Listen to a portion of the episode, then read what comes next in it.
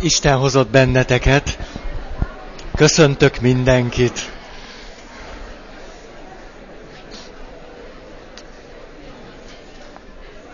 Most már sokkal jobb idő van, legalábbis könnyebb ide jutni. Egy kicsit több, mint a fele megmaradt ennek a témának a mai alkalomra arról beszélünk, hogy hogyan lehetne kimutatni a reális párhuzamokat a között, hogy a hitünk fejlődésében újból és újból egyfajta születésre, vagy újjászületésre vagyunk hívva, vagy pedig, hogy a hit fejlődése egy-egy ilyen születés élmény, vagy születés történet nélkül eléggé nem tud kibontakozni. És azt hívjuk segítségül, amit azok a kutatók, pszichológusok, pszichiáterek, orvosok adnak a kezünkbe, akik a szülés folyamatáról beszélnek, illetve a kisbaba várásának arról a kilenc hónapjáról. Elmondom csak fölolvasás szinten, mi volt az első négy szempont, és utána jöjjön a többi. Először mindig azt mondom, hogy azok a hagyományos szempontok hogyan érvényesülnek jelenleg, amelyeken átmegy a várandós anyuka a gyermekével, a férjével, a szüleivel, mert hiszen ez az egész egy rendszer. És utána pedig hozzáteszem azt, hogy mi volna inkább az a fajta struktúra, ami jobban megfelelne annak, ami a kisbabának jó, az édesanyának jó, az édesapának jó, meg a nagyszülőknek, és innen már csak egy ugrás, hogy azt mondjuk, hogy a társadalmunknak, ami sokkal jobb lenne. Az első tehát, hogy a kontroll és a felelősség az orvosnál van. Ezzel szemben lehetne úgy, és erre vannak már gyakorlati példák, hogy a kontroll és a felelősség az anyánál van, a segítők csak kísérik a szülést. Aztán a második pont az volt, hogy az orvos világra hozza a babát. Ezzel szemben az anya megszüli gyermekét. A harmadik, a szülési fájdalom elfogadhatatlan. Ezzel szemben a fájdalom elfogadható, normális és természetes. Ezt egészíti ki a negyedik szempont, hogy a kórházi személyzet által okozott fájdalom elfogadható. Ezzel szemben a segítő arra törekszik, hogy ne okozzon fájdalmat. És ugye ugyanezt látjuk a, a szülés folyamatánál, és ugyanezt látjuk a, a pap, a lelkivezető, a hittantanár és a testvérkék között. Az ötös valamilyen orvosi beavatkozás szükségszerű a szülés során. Ezzel szemben általában az orvosi beavatkozás elkerülhető, vagy elkerülhető volna. A szülés a maga természetes útján lezajlana, azt kísérni és segíteni kellene. Mondok egy-két adatot. Magyarországon a 90-es évek második felében egy természetes úton lezajlódó szülés esetében átlag négy orvosi beavatkozás történt. Négy. Azt mondja, megint csak a néhány évvel ezelőtti adatok, 70 és 95 százaléka a szüléseknek lezajlana beavatkozás nélkül. Ezzel szemben Magyarországon ez a 90-es évek legvége, a spontán módon megindult szülések 5%-a történt úgy, hogy nem avatkozott be az orvos valamilyen módon. Óriási különbségek.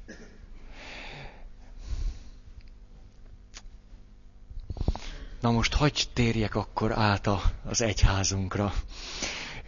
Mondjuk egy, egy adventi élményem, hogy milyen az, amikor egy pap azt gondolja, hogy az ő hivatalából adódik, hogy neki egy folyamatba állandóan be kell avatkozni. Ő neki állandóan szerepelni kell, állandóan beszélni kell, neki állandóan valamerre terelni és irányítani és mozgatnia kell a másik ember. Meghívtak egy lelki gyakorlatot tartani, és elmentünk egész nap, és eljött az az atya is, aki meghívott engem, de ő nem szólt, mert hogy én tartottam ezt a lelki gyakorlatot, de ott ült a körben. Mindezt házas pároknak tartottam, és a következő dinamikája volt ennek, a, ennek az egy napnak, mondjuk a, a mi kettőnk kapcsolatát illetően, ő általában aludt ebéd, ebédkor elmondta nekem, hogy azért, mert hajnali háromkor fölébredt, és aztán nem bírt visszaaludni, úgyhogy ezt a lelki gyakorlat alatt pótolta. Ez még teljesen rendjén volna, de néha fölébredt. És ekkor kezdődtek a bajok. Ugyanis mindig, amikor egy kicsit fölébredt, és mondjuk ha a pulzusa fölment 60 fölé, akkor rögtön úgy gondolta, hogy bele kell szólnia abba, ami éppen történik. Na látod, István, pontosan erről beszélek, amit csinálsz. A, tehát nem szükséges a éppen zajlódó folyamatba beleszólni, megy az anélkül is. Szóval az illető atya mondjuk mondom azt, hogy hát most ugye itt házas párok vannak, akkor hozzuk példának a szent családot. Hogy ami hát kevéske információnk rendelkezésre áll, Jézus, József, meg a szűzanya, hát úgy hogy csinálták ezt, hogyha így már rendszer szemléletűen tekintjük a dolgokat erre rögtön jelentkezett, és azt mondta, mielőtt még elkezdhettem volna beszélni, hogy ne, ne, ne tekintsük a Szent Családot példának. Ne, kedves atya, a Szent Családot nem tekinthetjük példának, mert az novum. Az egy unikum a Szent Család. Hát, hát a szűzanya, meg a Szent Jó, hát a kis Jézusról nem is beszélve kedves atya, ne, ne tekintsük a Szent Családot példának, hogy a következő másfél órám erről szólt volna, hogyan tekintsük a zen családot példának. Hát valahogy azért kivágtam magam, aztán elmondtam, hogy hogy tekintsük a Szent Családot mégis példának, és hozzátettem, hogy milyen szerencsés helyzetben vagyok, hogy antitézisként itt ül mellettem egy másik atya, és ez egy ilyen sajátos dinamikát hoz a lelki gyakorlatunkba. Hogy, hát nem mondom, hogy csak ezt gondoltam, de Hát most erről eszembe jutott egy másik, hogy ugye mondjuk a, a pap ezt megcsinálhatja, most arról beszéltem, milyen az, amikor a pap felől történik ez, de ahogyan erről beszéltek már két alkalom óta, szép lassan ti megszokjátok. Tehát megszokható az, hogy nem te csinálod azt a folyamatot, ami a te életed, hanem a pap szóljon ebbe bele állandóan, folyamatosan vágjon közbe, és mondja meg, hogy mi hogy van. Egy ilyen kedves félreértés, ma temettem, és akkor azt mondja a kántor, hogy hát képzeljem el, mi történt, nem ma, hanem néhány héttel ezelőtt, csak eddig ezt nem mesélte el, hogy még én nem érkeztem meg, és egyszer csak ilyen hihetetlen földultan, és hát ilyen idegesen bejön oda a papi öltözőbe egy, egy gyászruhás asszony, és kérdezi tőle, hogy a Szent Atya itt van-e már? Hát, a, a kántor kicsit képzettebb volt ezekben a kérdésekben, úgyhogy mondta, hogy a Szent Atya jelenleg tudomása szerint Rómában tartózkodik, és nem valószínű, hogy az óbudai temetőben megjelenne itt a közeljövőben. Mire erre hát a szívéhez kapott ez a gyászuhás azt, hogy de hát az lehetetlen. Én néhány nappal ezelőtt beszéltem vele, és ő megígérte, hogy itt lesz az óbudai temetőben. erre a kántor azt mondja, hogy hát ő el tudja képzelni, hogy az nem a Szent Atya volt, hanem hát esetleg a Ferenc Atya lehetett. Hát van azért egy kis különbség kettejük között, nem csak a római lakóhely, hanem hát más is. És erre az asszony még mindig földulva elővette a, a, a naptárját, vagy a nem tudom, a kis jegyzet izét, hogy megnézze, hogy tényleg így van-e. És akkor mondja, igen, igen, Pál Szent Ferenc atyával beszélt. Kántor hogy nem, nem, nem szent, még nem szent, de Ferenc atyának Ferenc atya, és biztos fog jönni. Hát erre ő megnyugodott, hogy a dolgok jó, jó úton haladnak, neki nem kell, nem kell az én immédiás rész közreműködésemre várni, hanem hát úgy, úgy, úgy, hogy ezek a dolgok ki vannak találva, el, el fognak, na, le fognak játszódni. A másik, ami megint csak ilyen, ilyen hétköznapi történet, hogy mikor leesett az első nagy hó, akkor egy autós kollégám nem tudta bevenni a kanyart. Ennek következtében egy kőoszlopnak jó alaposan neki ment, és én pont mögötte mentem, és ő nagyon beijedt, hogy én neki fogok menni. És, de nem mentem neki, hanem szép lassan kikerültem, és megálltam, hogy megnézzem, hogy egyáltalán hogy forgott a kereke, nem bírt onnan eljönni se, meg hát eleve.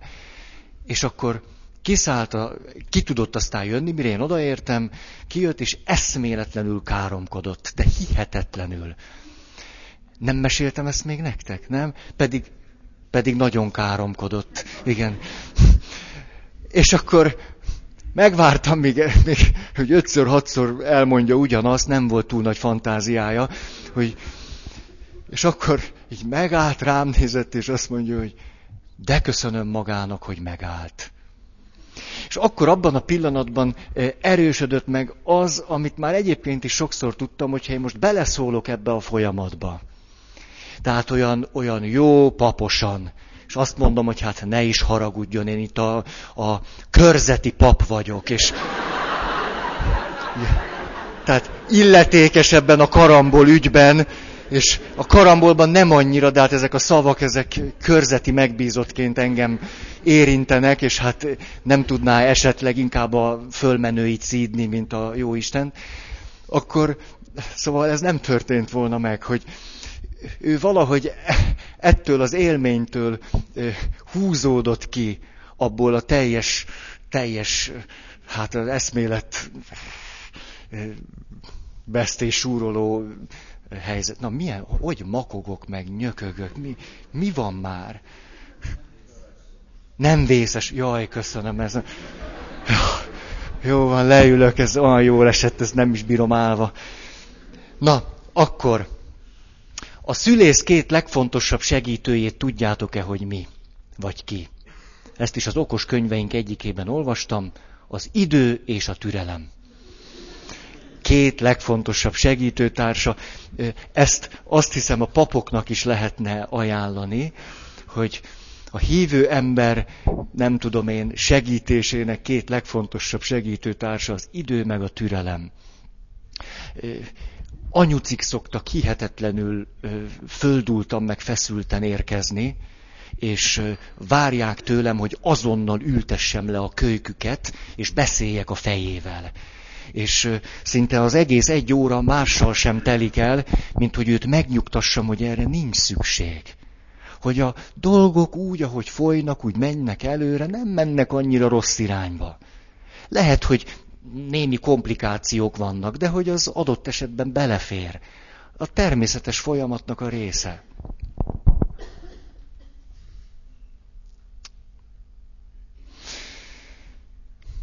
Meséltem azt nektek, van Nyugat-Európában egy olyan intézet, arról híres, hogy nagyon jó szakemberek dolgoznak benne, és nagyon komoly ügyekkel foglalkoznak.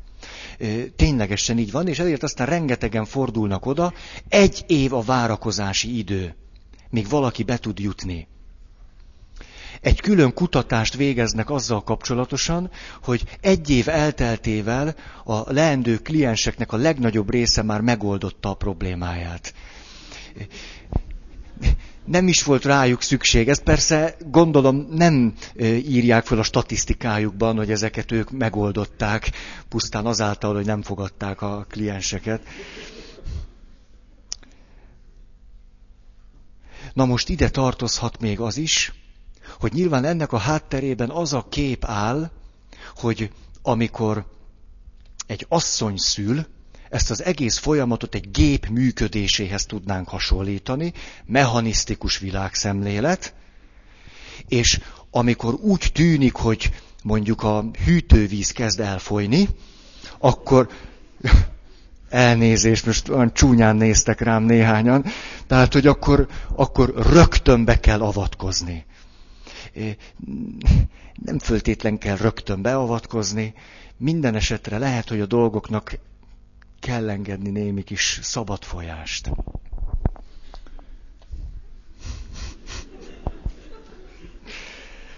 A, ugye ide tartozik ez az utolsó gondolatom, hogy nyilván ebben a rendszerben, hogy ezt említettem nektek, a nőt betegnek kezelik. Ő beteg, aki kórházban van. Tehát mindenképpen beavatkozásra szorul, mert ez az egész folyamat egy valami olyan nem természetes folyamat, ami az orvos nélkül nem is tudna jól lejátszódni. Ez ahhoz hasonlítható az egyházunkban, amit azért múltkor az, az alkalom vége felé említettem, mikor egy hozzánk betérőt eleve gyógyítandónak és hülyének tartunk.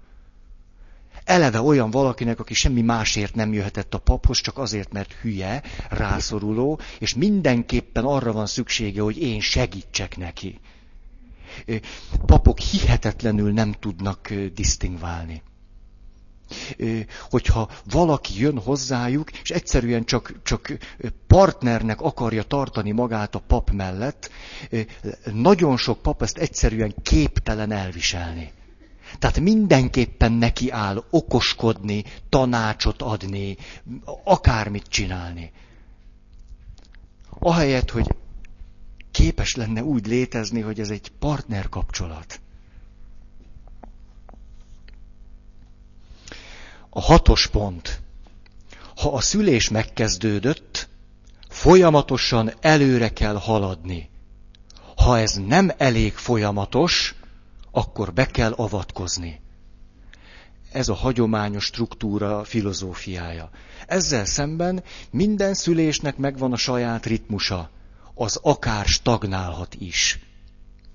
Okos könyveink egyikében olvasom, Magyarországon és minden országban más ez, 26 óra az átlagszülés folyamata. Ez a norma. Ez a norma. Hogyha, hogyha úgy tűnik, hogy nem érünk a végére, akkor bele kell húzni. Mert akkor, akkor nem teljesítjük a normát. A pap nagyon sokszor találkozik ezzel a jelenséggel hogy vannak emberek, akik lassabban haladnak. Jött hozzám valaki, nagyon aranyos volt, arról beszélt, hát körülbelül 15 éves volt, úgyhogy nagyon komoly érett valaki, és arról beszélt, hogy ő úgy gondolja, ő már sosem találja meg élete párját. De úgy el, elfacsarodott a szívem rögtön. Milyen reálisan látja a világot. És akkor miután ez zenével foglalkozik az ifjú lány, férfi, hölgy, úr, ezért azt találtam neki mondani, hogy hát hányféle ritmus van a zenében. Ugye nem csak négy negyed létezik, léteznek lassabb ritmusok is. Hát attól az még jó zene lehet, nem kell, nem kell mindent pörgetni, és ettől az egy dologtól egészen megnyugodott. Aztán ide tartozik az is, amit említés szinten már mondtam, hogy nagyon sok asszonynak igen komoly nehézsége az, hogy ezt az egész folyamatot ő maga is egyfajta produkcióként vagy teljesítményként értelmezi. Ahol, ha 26 óra a norma, akkor legalább 18 órán belül végezni kell. Párizs-Dakar. Szóval jó, elég, elég nehéz, meg minden, de hát azért csak nem leszek az utolsó, azért az annyira ciki. Tehát legalább az első felébe. Ezért volt olyan nagyon fontos beszélni arról, hogy, hogy a hit egy folyamat, amely folyamatban törvényszerű az a lépés, és az érett hitet szinte el nem éri az a valaki, aki törvényszerűen legalábbis a külső jelenségek alapján nem lép vissza. Adott esetben a serdülőkornak a, a, a kétségbe és két, kétségeiben és kérdésföltevéseiben, utána a felnőtt kornak a, a, a, a szkeptikusságában, a, a túl nagy racionalitásában, stb. Hogy éppen, hogy ezek a látszólagos visszalépések a hithez képest, vagy a hitből való éléshez képest, nem csak, hogy elfogadhatók, vagy eltűrhetők, hanem ezen látszólagos visszalépések nélkül a folyamat nem is megy igazából előre. Neki adott esetben, amikor, amikor a, a hitében fejlődik, lehet, hogy az a látszólagos stagnálás vagy visszalépés az, amire szüksége van. Olyan érdekes dolgot mondott valaki, lehet, hogy itt is van, biztos örül neki, hogy most róla beszélek, hogy azt mondta, hogy Á, de nem, hát hát, ha itt van, akkor mégiscsak nem mondom el. Szóval, ilyet nem lehet csinálni, ugye? Tessék? Nem tudjátok, biztos? Jó. Szóval, azt, azt mondta, nagyon-nagyon érdekes, hogy tudod most, XY a lelki vezetőm. Pontosan tudom, hogy nem ő a legjobb és hogy néhány év múlva ki fogom őt nőni. De most ott tartok, hogy az, amit tőle kapok, az az, ami pont jó nekem. Ez egy, ez egy zseniális, zseniális meglátás. Ez sokféle kapcsolatunkban lehet így. Az ember reflektálhat arra, hogy igen, igen, én még innen tovább tudok menni, mint ahogy a felnőtt korban, a serdülőkorban is. Nyilván vannak higgadt pillanatok, mikor valaki leül és azt mondja, hogy na jó, hát azért nem valószínű, hogy ennek itt lesz vége. Vagy a vágy szintjén, vagy az elképzelés szintjén, vagy a realitás szintjén tudja, hogy tovább fog menni. De most itt tart. És ha most itt tart, akkor föltehetően még ha föl is ismerte azt, hogy itt tart, ezt a folyamatot nem kell siettetnie. Még akkor sem, ha már megfogalmazódott az benne, hogy hűha, már lassan szeretnék átlépni, de még talán inkább ide tartozom. Ahogyan emlékeztek a, a mondtam, a, hogy milyen idős emberek milyen hitfázisba tartoznak, ott ö, volt, hogy sokkal többen tartoztak kettő között mint markánsan valamelyikbe, ötödik, hatodik között, negyedik, ötödik között. Amikor valaki mondjuk egy ilyen úgymond köztes állapotban van, nem kell azt siettetni. A serdülőkort siettetni, aztán meg lesznek a hátrányai. A lélektani folyamatokat nem nagyon lehet siettetni. Ugyanúgy, mint ahogy a fizikaiakat sem. Nem nagyon lehet, hogy ez a növény gyorsabban nőjön. Erről egyszer beszéltem, hogy, hogy csináltak ilyen kísérleteket, próbálták, meleget fújtak rá, meg minden marhaságot, hogy gyorsabban nőjön.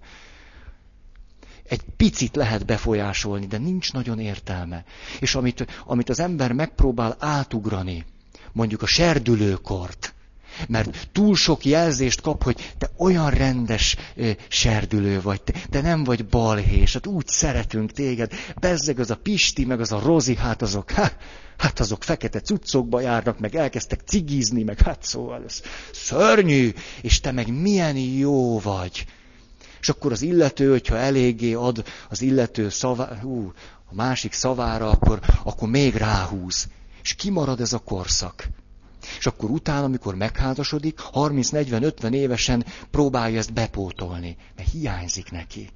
Azt, hogy ütközzön, hogy balhézzon, hogy esztelenségeket csináljon. Kell neki egy kicsit.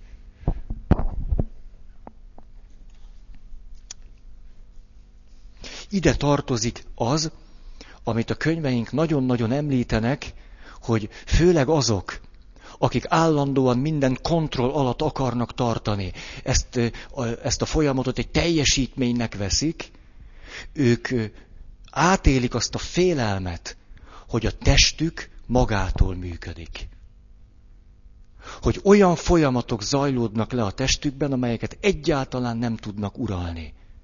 És nem csak egy-egy mozzanat a kilenc hónap alatt, hanem folyamatosan ilyen jelenségek zajlanak le. Hogy egyszerűen csak rá tudnak csodálkozni, hogy a testük csinál magától egy csomó mindent. És ez az élmény félelmetes lehet annak, akit egy kicsit a mai világ szemlélete jól megragadott, és főleg, hogyha az Isten kapcsolatban nem gyakorolta be azt, hogy mit jelent, hogy ráhagyatkozom az Istenre, hogy nem kell nekem mindent csinálni.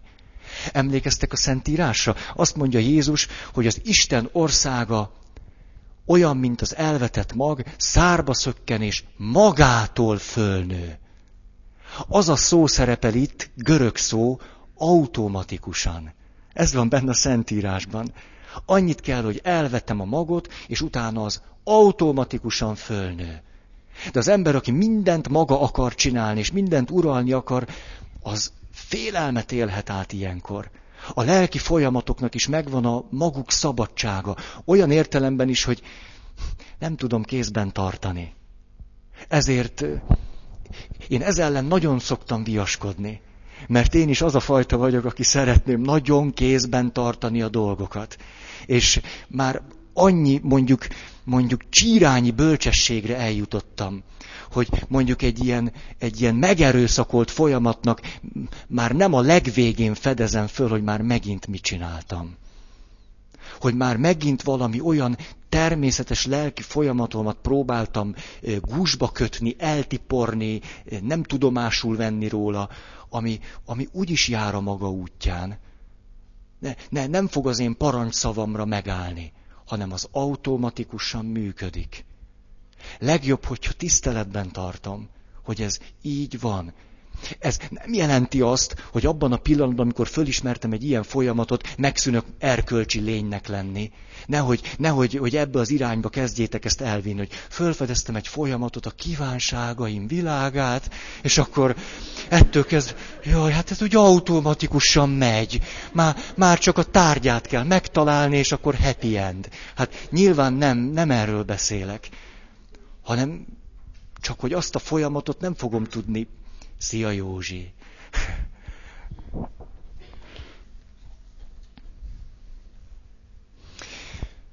Ide tartozik az, lelki pásztorként vagy micsodaként, találkozom sokszor azzal, hetente legalább egyszer, hogy valaki jön, és a beszélgetésnek a, a lényegi része tulajdonképpen egyetlen kérdés.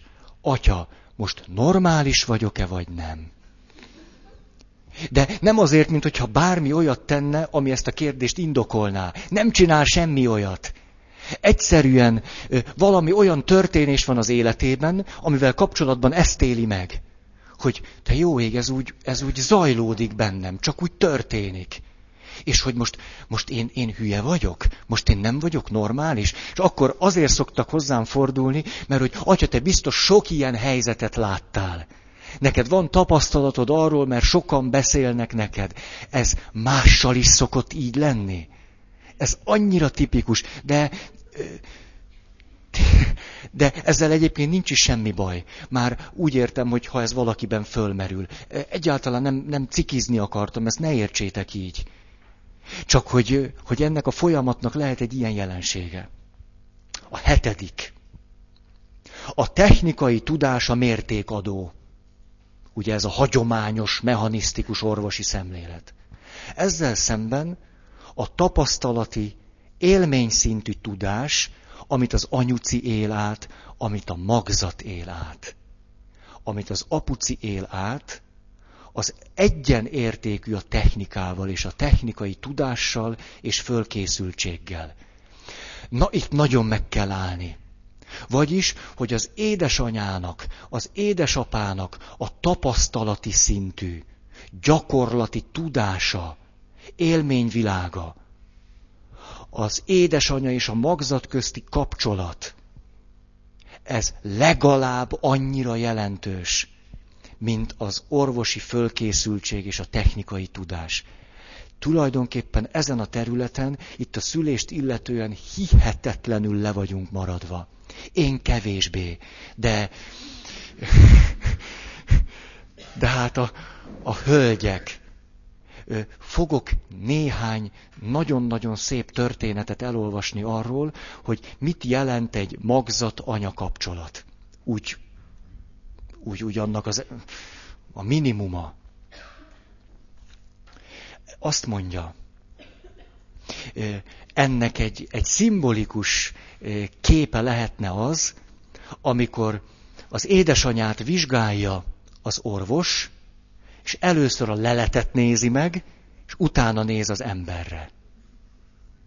Ez egy szimbolikus gesztus, ahogy eszébe sem jut, hogy először az embert megnézze, és utána azt, ami a leletben van.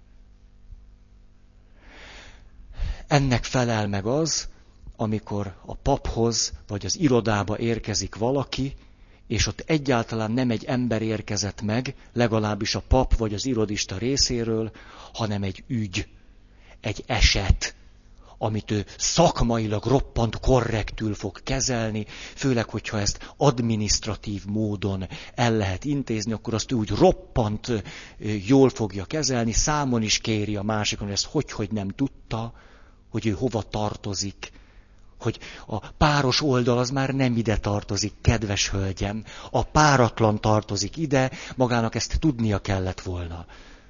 És hogy a technikai tudásának a birtokában úgy gondolja, hogy a másik egy hülye. És az, amivel ő jött, az nem számít. Hogy ő azzal jött, hogy neki meghalt az anyukája. Ez ebben az esetben, ez a tapasztalati tény, ez nem érdekes. Ami érdekes az az, hogy én tudom, hogy a páratlan oldal ide tartozik, a páros meg nem. És ezt neki is tudni kell.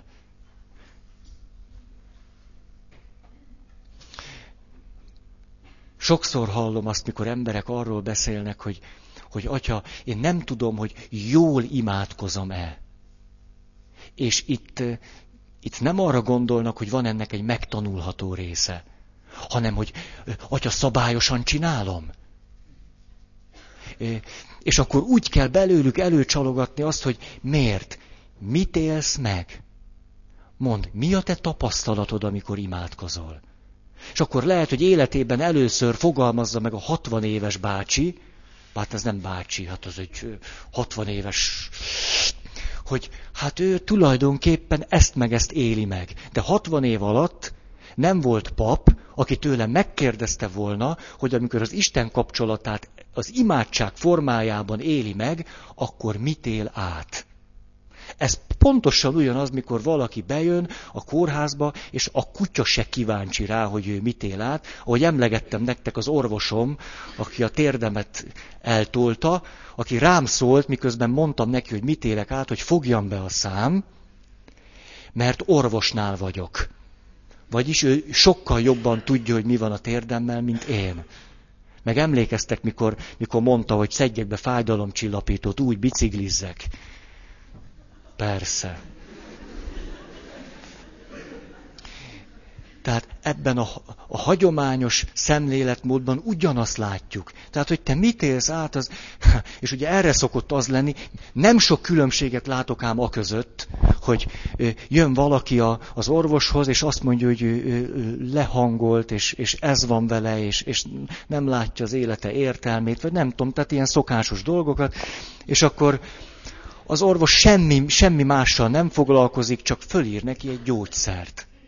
De semmi más nem történik. Jó, ha a pszichiáter akkor is mondhatja azt, hogy, hogy és ezen kívül még vannak lehetőségek. Ez, meg ez, meg ez. Itt és ott és amott. És akkor ott tudnak ezzel, meg azzal, meg amazzal foglalkozni. Ez csak tüneti kezelés, kérem. Én ehhez értek, de van azért más is. Ennek szerintem egy az egyben megfeleltethető az, mikor valaki jön, és amikor úgy, úgy elkezdi igazán mondani, hogy mi az ő baja, akkor a pap berezel, és elkezdi mondani a szentírási mondatokat. Ez ugyanaz, fölírja neki receptre azt, hogy. Az egyik kedvencem, amikor valaki ugye ki van készülve, kiesett a szíve, lógnak a belei, és akkor a következő mondatot kapja, senki sem kap nagyobb terhet Istentől, mint amennyit elbír viselni. Ugye, immemórium örkény István, és akkor látja, hogy azok a kötelek ott mögötte a belei. Ugye azok nem kötelek, hanem azt húzta maga után. Szóval ez ugyanaz, fölírom neki a szentírási mondatot receptre, és akkor menjen, váltsa ki, azt érezze jól magát. És ha nem segített rajta, akkor eljön még egyszer, és fölírjuk még egyszer. Nem szedte még eleget. Szedje be rendesen. Hát mi hogy szedte be? Hát ezt nem úgy kell beszedni, ugye? Mert itt ez a kérdés, hogy reggel, délben, este kell beszedni, éjgyomorra. Nem ám, micsoda lefekvés előtt szedte be, mert hát úgy nem hat.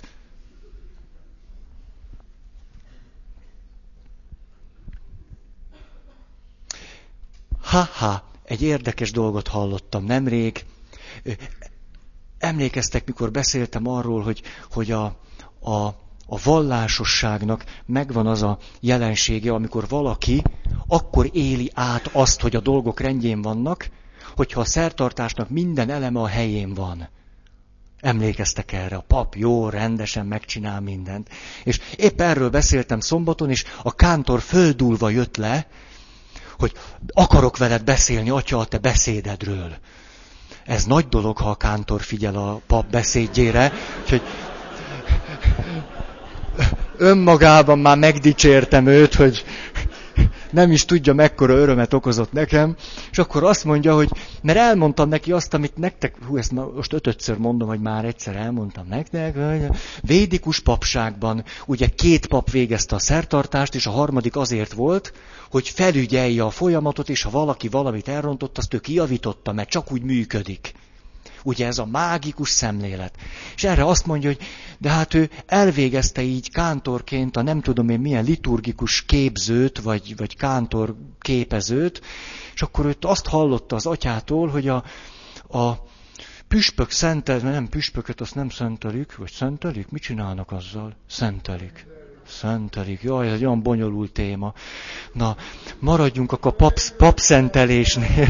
Tehát, hogy a, a papszentelésnél azért kell, hogy három püspök legyen jelen, mert ha valamelyik elrontja, akkor azért még érvényes legyen. Hát majdnem hanyat testem,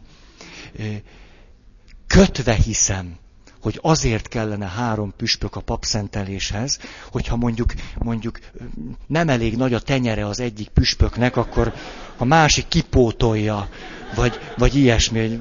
Lemérik, hogy olyan 15 centi alatt nem érvényes, akkor négy, négy kell hozzá, mert ugye a Szentlélek nem jön át eléggé. Egyébként azért Szóval furcsa ez, mikor a, a lényeg meg az ideológia összefonódik. Azt tudjátok, hogy a, a, az átváltoztatáskor, amikor a kenyér és a bor fölött elmondom Jézus szavait, és az Krisztus testévé és vérévé változik, akkor ugye azt mondja a teológia, a szentségi teológia, hogy ha én elrontom a szavakat, akkor meg kell ismételni. Mert a szentség lényegéhez tartozik hozzá az, hogy a nagybetűs szöveget, azt szó szerint mondjam. És ha elrontanám, akkor ajjaj. Ennek a, a fonákja akkor vált nagyon világosra számomra, mikor elmentem egy idős otthonba misét tartani, és a főnököm odaadta az ő zsinat előtti misekönyvét. És abban ezek a leglényegesebb szavak másképp szerepelnek. Puff neki most akkor mi van? Ugye ez ugyanaz, mikor a, az idős néni azt mondja, hogy, hogy de hát ez a mi atyánk már nem az a mi atyánk. Hát hogy, hogy mi atyánk, aki a mennyekben vagy, hát az úgy nem érvényes. Mi atyánk, ki vagy a mennyekben? Ugye kérdőjel, mi atyánk, ki vagy a mennyekben? Ez a...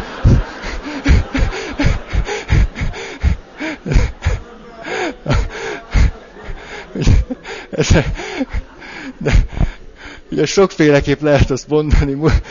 Múltkor azon derültem, egy ilyen bibliodráma csoportban vagyunk, és a legáhítatosabb pillanatban egyszer csak csöngetnek. És az egyik valaki fölkiált, hogy ki az Isten? Hát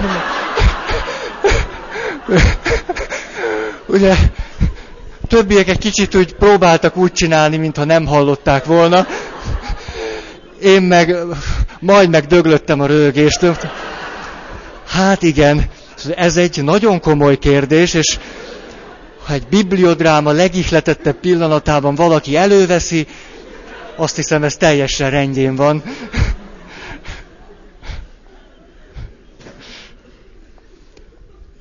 Na, akkor Olvasok nektek valami szépet.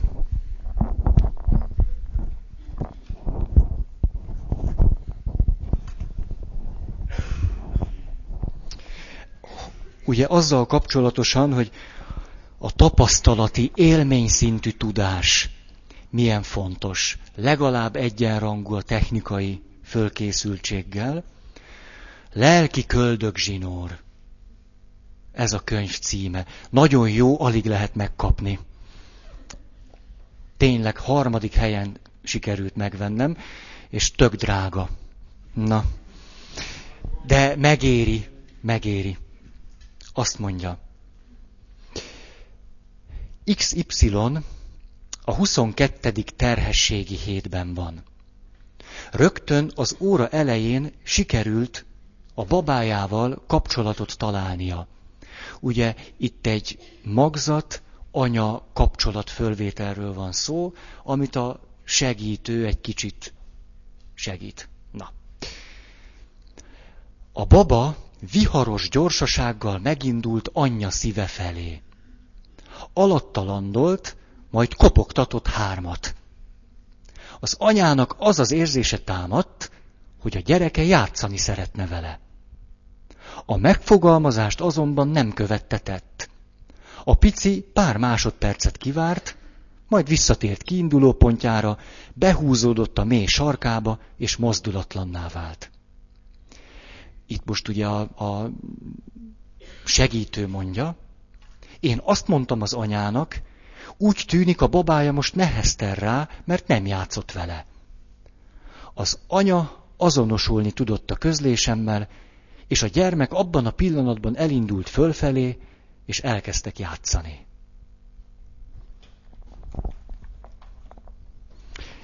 Ilyeneket egy párat fogok olvasni még, hogy az a tapasztalati tudás, ami nem csak az édesanyában, a magzatban, kettejük között, az édesapával együtt, hármajok között van, az a legalább olyan fontos, mint az, hogy mit mutat az ultrahang. Na most, a légkör, a hangulat, a környezet nem lényeges. Ez a klasszikus modell. Ezzel szemben de. Ugye ez egy ilyen, na, két nagyon találó történet, amelyből a történetet fogom csak kihagyni, és a csattanóját mondom csak el.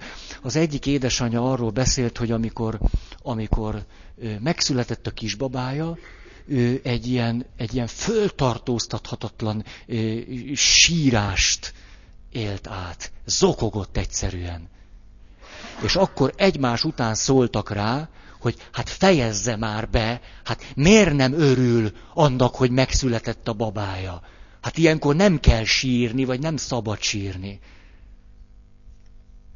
A másik, amikor ugyanez a nevetéssel. Egy másik anyuka meg azt mondta, hogy ő, őt pedig egy ilyen hihetetlen, ellenállhatatlan nevetés kerítette hatalmába. És ugyanúgy rászóltak.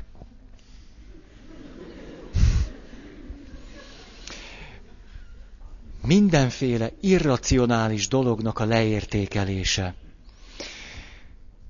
Ugye a légkör, a hangulat, a környezet, a színek, a hangok, a jelenlévők személye, a kapcsolat és minden nagyon fontosak. Ezek adott esetben irracionálisnak tűnhetnek, megfoghatatlanak, ugyan már most mit számít az? És közben nagyon számít hogyha a vallás felől nézzük, akkor néha olyan, olyan fájdalmat okoz az nekem, mikor kiderül az, hogy mondjuk 19-20-21 éves fiatalokból a vallásnak a, az irracionális értékelése tökéletesen hiányzik. Vagyis teljesen bevették ezt a szemléletet, ami ma uralkodik. És amikor, tudjátok, mesélek nekik, nekik egy-két történetet, és mondjuk azt a piszokságot csinálom, amit veletek is, hogy egyet mást nem értelmezek, akkor dühösek lesznek rám. Egyrészt, hogy, hogy ne, nem tudnak mit kezdeni a történettel. Hogy mit, mit, tehát ha, ha az nem egy tantörténet, akkor az nekik már sok. Mert vannak benne olyan elemek, amik, amiket nem tudnak megragadni, nincs kifejtve. És aztán, hogyha nem magyarázom meg, akkor kifejezetten ingerültek lesznek. Most karácsony előtt történt az, hogy, hogy elmondtam egy történetet, amin el kellett volna gondolkodni. Hát olyan volt, nem egy tantörténet, hogy mikor elkezdem, már lehet tudni, mi lesz a vége. És erre, erre ilyen, ilyen, ilyen ösztönös fölkiáltás több helyről, hogy azt most nem tehetem meg velük, hogy ezt nem mondom meg, hogy mit jelent. Hogy én így nem mehetek el. Jön a karácsonyi szünet, és így hagyom őket, hogy nem tudják, hogy mi, mi a történetnek a... Ugye, aztán visszatértem erre később, egy picit mondogattam erről egy ilyen baráti társaságban, ahol ott voltak ugyanezek a fiatalok, akkor az egyik azt mondja nekem, na de hát atya, hát mi nem tudunk mit kezdeni ezekkel a se füle, se farka történetekkel. Ez pontosan kifejezi ezt a szemléletmódot.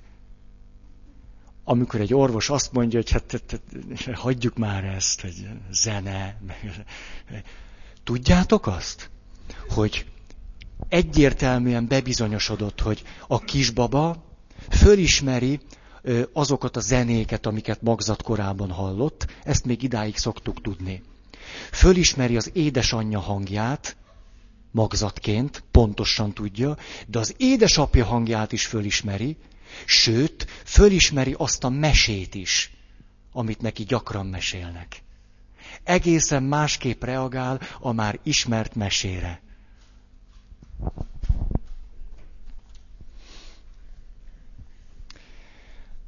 A légkörről vagy a hangulatról annyit, hogy nyilván nem mindenkinek a rózsaszín jó.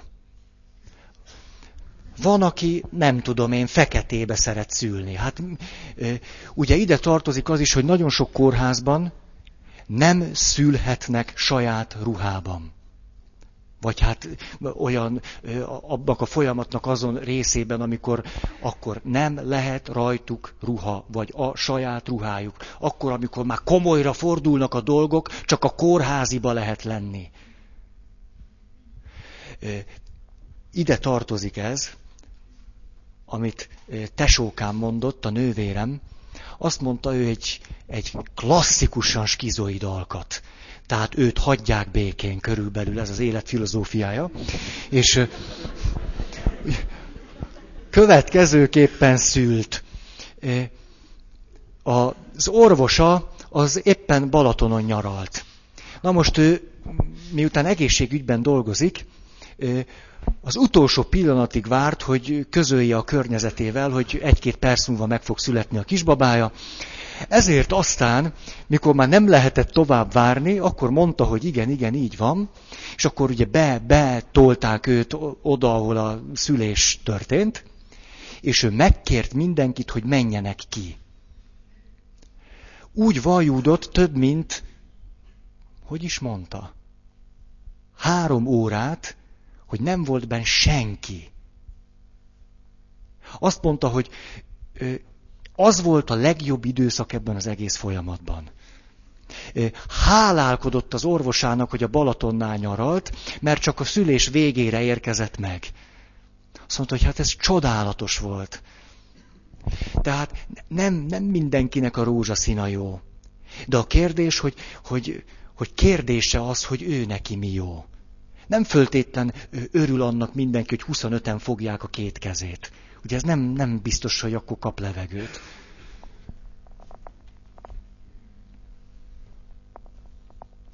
Kilenc. Megérett a megy. A, itt három rövid dolgot akarok mondani. A hagyományos szemléletben a nő tárgy. Ezzel szemben alany. Aztán a nő hiányos férfi. Hát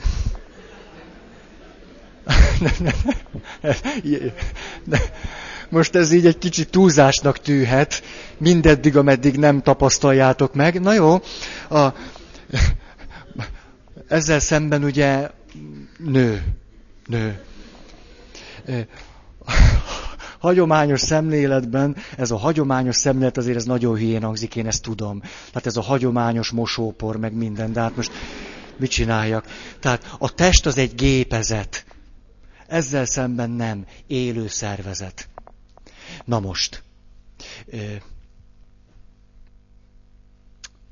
ugye ez, hogy a nő tárgy vagy alany, amikor, amikor a pap esetekben gondolkozik, számokban gondolkozik. Eh, ahogy eh, egyik atya mondta nekem, eh, számára válságos pillanatban, amikor kiderült, hogy 30 alatt van a leendő bérmálkozók száma, és amiután majd föl kell küldeni ezt az adatot a főhatósághoz, és azt a valaki el fogja olvasni, aki egy nagyon fontos valaki, és akkor azt fogja látni, hogy kettessel kezdődik, ami egyházközségünkben az idei bérmálkozottak száma, akkor behívatott engem, és a következőt mondta, Atya, húzzunk rá! hogy, hogy mire mit húzzunk rá, azt nem, nem, nem, nem sikerült meg igazán megértenem. Némi, mondjuk ellenérzésemet kifejeztem, mire látta, hogy én reménytelen eset vagyok, nem fogok ráhúzni, úgyhogy erre behívatta a hitoktatót, és meggyőzte őt arról, hogy a nagyobb bacska általános iskolások lebérmálkozhatnának az idén, hogy hármassal kezdődjék a statisztikánk. Na ez, ez körülbelül ez. Ugye mondtam, az egyházközségünkben a tavalyi esztendőben 15.500 szentáldozás történt. Igen, nem mondtam még? Pedig bizony 15.500. Úgy. Most ide, ugye, nevettetek ám azon, hogy a nő az nem hiányos férfi, mint hogyha ez ilyen gyerekkori élmény lenne a lányok részéről, hogy de. Elemi tapasztalatom az egyházban az, hogy papok, vagy papok oldalvizén magukat jól érző emberek, főleg férfiak, a nőkről pontosan ugyanígy gondolkoznak. Tehát a, a nők azok hiányos férfiak. Ennek egy verziója az, mikor a papok azt mondják a laikusokról, hogy azok hiányos klerikusok. Tehát, hogy elvileg mindenkiből lehetett volna klerikus, ugye? Ez világos, vagy legalábbis kedves nővér, vagy hát nem kedves nővér, de hát ilyen apáca. És már pedig, ugye az Isten kapcsolatnak a csúcsa ez, ezt jól tudjuk. Tehát ugye, ahogy mi ezt szoktuk mondani, a megszentelt életállapot. Ezt tudjátok, a klerikusok megszentelt életállapotban vannak. Hogy ti miben vagytok, azt nem tudom, de egy ilyen, egy ilyen hiányos életállapot, meg egy torzó, amit ti itt alakítotok, mert már ott elrontottátok, hogy nem mentetek papnak. Ezért szorultok ránk. Természetesen, mert mi olyan előnyben vagyunk, amit ti soha nem tudtok behozni. Ez világos, és a nők pedig duplán hátrányos helyzetben vannak, mert nekik még esélyük sincs. És az a nő, aki meg pap szeretne lenni, az a legnagyobb hülye. Tehát az, az, az hát, ez a szemlélet virágzik azért ám nálunk. És amikor, na,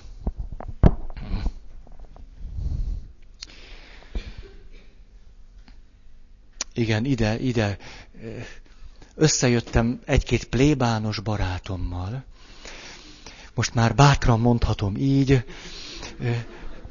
Az ünnepek elteltével, és akkor körülbelül nagyjából ugyanazt fogalmaztuk meg, hogy elég nagy teherám az, amikor egy plébániát működtetni kell. Ez egy, ez egy szörnyű rendszer. Nyilván, és akkor most nézek, keresem az orvosokat, akik, akik utálnak engem, olyan aranyosak, hogy, hogy, hogy világos, hogy én a magam módján adott esetben, ami klasszikus struktúránkban ugyanazt csinálom, mint az a végtelenül jó szándékú, hívő, rendes orvos, aki minden jó szándékával együtt sem tud teljesen kilépni ebből a struktúrából. Egyszerűen nem tud. És mi mondjuk a nagyobb ünnepek után ezerszeresen átéljük, hogy, hogy hát jó, jó esetben volt ennek valami lelki tartalma, rossz esetben annyit mondhatunk el egy folyamat végén, hogy na, vége lett. Sikerült működtetni a rendszert. Ugye, megcsináltuk a Betlehemet. Volt pásztorjáték, lementek a karácsonyi gyóntatások. Még egy keresztelő is volt, tényleg volt. Aztán szépen megvoltak a misék, ugye, hogy, ahogy, ahogy ezt szokták mondani, hogy, hogy szép számban voltak a hívek. Ugye ez. Tehát ez körülbelül ugyanaz, mint a, a, a fejkvóta miatt elegendő diák jelentkezett az iskolába.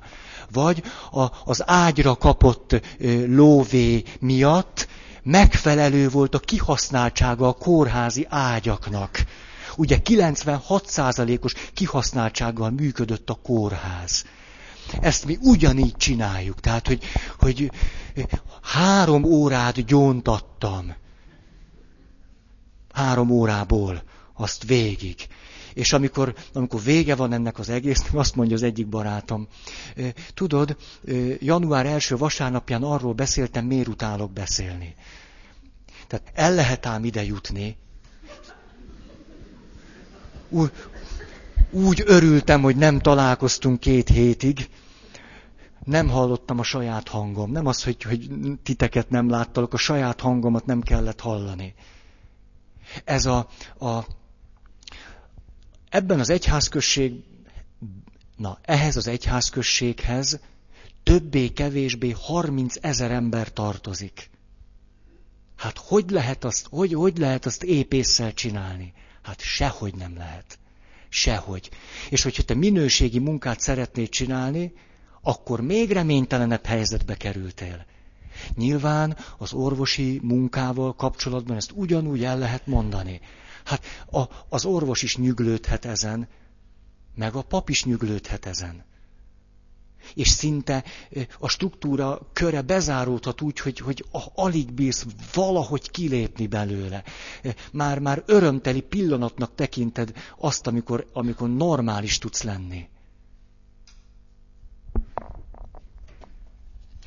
az orvosokat szívből sajnálom a rengeteg adminisztráció miatt. Szívből sajnálom. Sokkal rosszabb helyzetben vagytok, mert, mert még a fejetek fölött az is lebeghet, hogy valamit elrontotok, majd jó följelentenek titeket. Hát ez szörnyű. Na.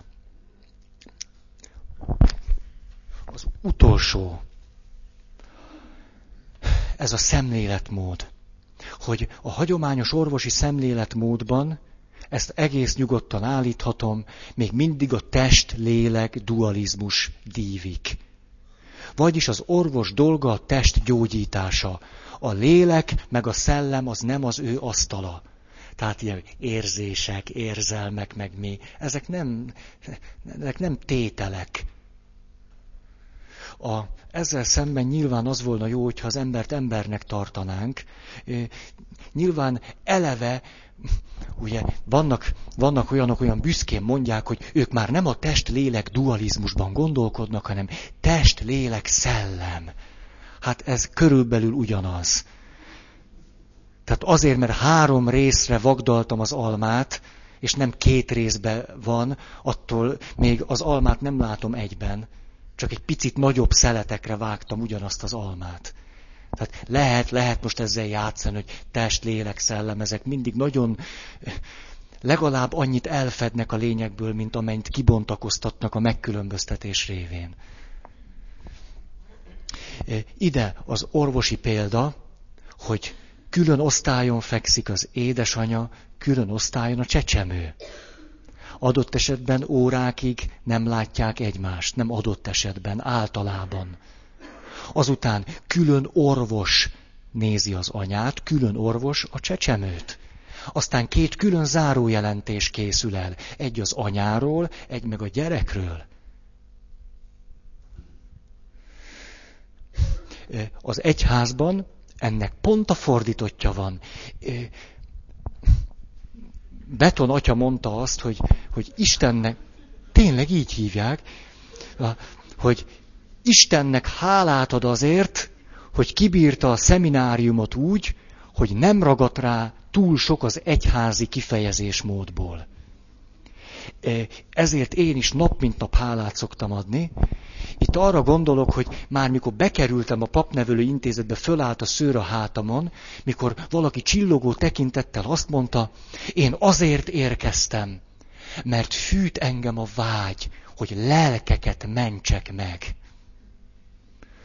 Ezt nem értettem, hogy azt hogy kell csinálni. Mi az, hogy lelkeket mentsek meg? Ezt ne, ne, nem, is ér, ne, nem, is, nem is értem, ezt komolyan mondom. Ezért, igen, vannak azért föntartásaim ezzel a kifejezéssel, lelki élet. Mi az, hogy lelki élet? Ha van olyan? Hogy főleg, hogy csak lel... Elmentem egy napra lelki életet élni. Hát gratulálok, nem ettél, nem ittál, semmi. Se pisi, se kaki, csak úgy. Lelki életet éltél. Hát ezt gratulálok, ez, ez csodás lehet. Tehát de, ho, ho, hogy, hogy van ez? És akkor papok, lelkeket, ne, ezt komolyan nem értem. És mi, minél, minél, hogy ugye azt, azt, azt bírom, mikor egyébként számomra nagyon mondjuk kedvelt atya szokta ezt mondani, hogy hát lélek. Hát hogy gondolhatod ezt, te lélek? Hát, hogy ez jó pofa az orvos, pont az ellenkező. Te test! Hát, hát mit csináltál ide? Hát mit képzelsz te? Most ez, amilyen röhelyes, hát a működésmódban és a szemléletmódban ez történik. Hogy mit érdekel engem, hogy húzza a belét? Én a lelkét fogom gyógyítani. Hát mit érdekel engem, hogy ő, ő mi, van, mi van az egészségi állapotával, a lakás körülményeivel, az emberi kapcsolatával? Engem egy valami érdekel, bűnöse vagy nem. Ugye, mert a, a bűn lényegi attribútuma, már a lényekhez kapcsolódó, na, jaj, jaj, na mindegy, hogy az, hogy bűnös, vagy nem bűnös, és akkor ezt nézem. E, e, ez, én még életemben egyetlen lelket sem mentettem meg. Remélem nem is fogok egyet se. Azt szerint nem is, és akkor mit csinálok vele, ha megmentettem? Akkor hova rakjam? Vagy...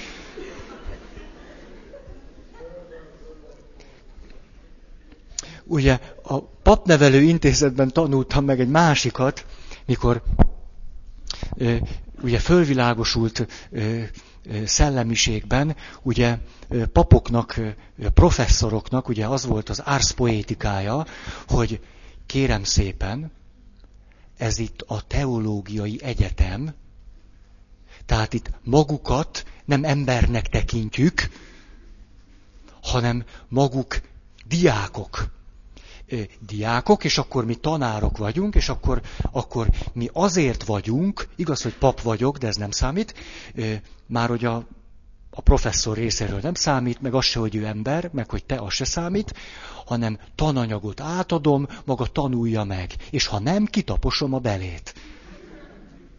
Ezek ám lenyűgöző élmények, mikor valakit beiratnak a, az XY egyházi iskolába, és akkor, akkor megy, hogy jaj, de jó lesz ott. Hát ott, ott, ott embernek fogják ám nézni. Nem csak az lesz, hogy matek, meg kémia, meg magyar, hanem hát, hogy, hogy kis Laci, meg, meg nagy Brünnhilda. De nem, nem, nem, nem. Ott ö, egyházi iskoláink bizonyos része ö, ugye még jobban tapossa a diákok belét. Ugye azért, mert akkor kiderül, hogy milyen jó az az egyházi iskola. Hát nem az derül ki, hanem más, hogy kitaposott béllel nem túl jó élni. Ez derül ki, mint ahogy ennek az ellenkezőire is van példa. Van valaki, aki nagyon szeret abba az egyházi iskolába járni, ahova jár. És akkor kérdeztem tőle, hogy miért, hogy, hogy hogy tudnád leírni. És akkor azt mondja, hogy azért, mert az az élményem, hogy, hogy mi, mi vagyunk ott a legfontosabbak második helyen van az Isten, a harmadik helyen meg a tanítás. Ez egy elég jó sorrend egyébként.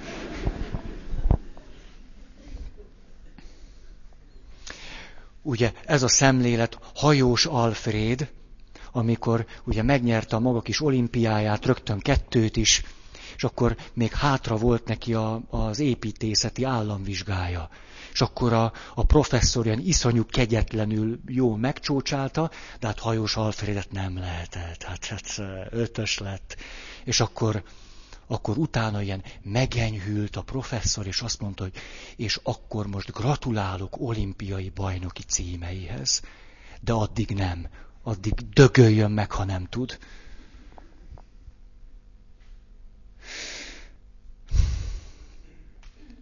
Na jó.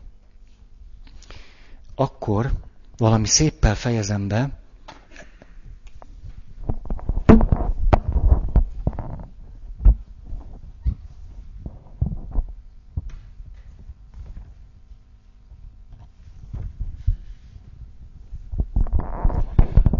A magzat-anya kapcsolat.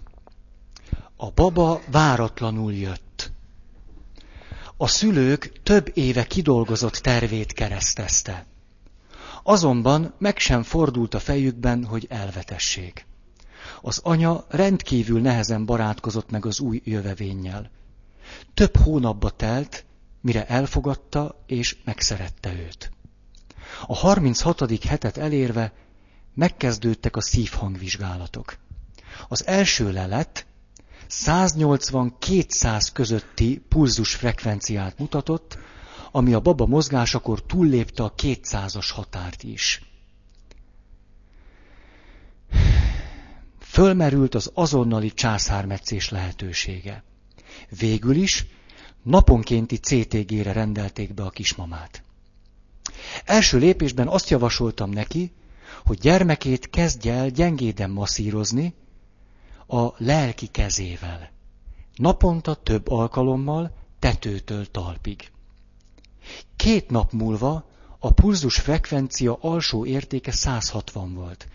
Felső értéke pedig csak mozgás esetén érte el a 200-at. Ez már elegendő volt ahhoz, hogy a vizsgálatot elkezdjék ritkítani.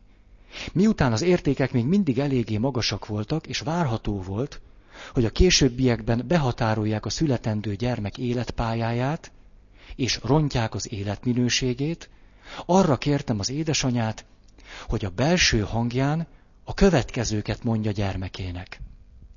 Váratlanul jöttél. Nem voltunk fölkészülve rád. Időbe tellett, mire elfogadtunk és megszerettünk. Ezt úgy élhetted meg, hogy nem kell lesz nekünk, nincs szükségünk rád, és fölösleges vagy. Ez szívszorító érzés lehet. Talán most már tudod, hogy elfogadtunk és megszerettünk, és fontos vagy nekünk. A közlés mindkét oldalon drámai reakciókat váltott ki. Az anya közel tíz percen keresztül zokogott, a baba pedig mozgásviharral, extrém nyugtalansággal reagált, ami tovább tartott az anya érzelmi sokjánál. Félő volt, hogy ott helyben megszül. Mindketten megszabadultak ettől a súlyos érzelmi tehertől, ami egészen addig fogva tartotta őket. A következő CTG-n a pulzusfrekvencia egyenletesen 140-160 közötti tartományban mozgott. A kapcsolatuk és benne ők maguk is meggyógyultak.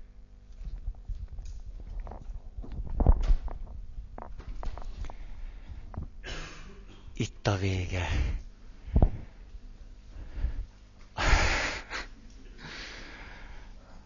Akkor van-e valaki, aki szeretne hirdetni?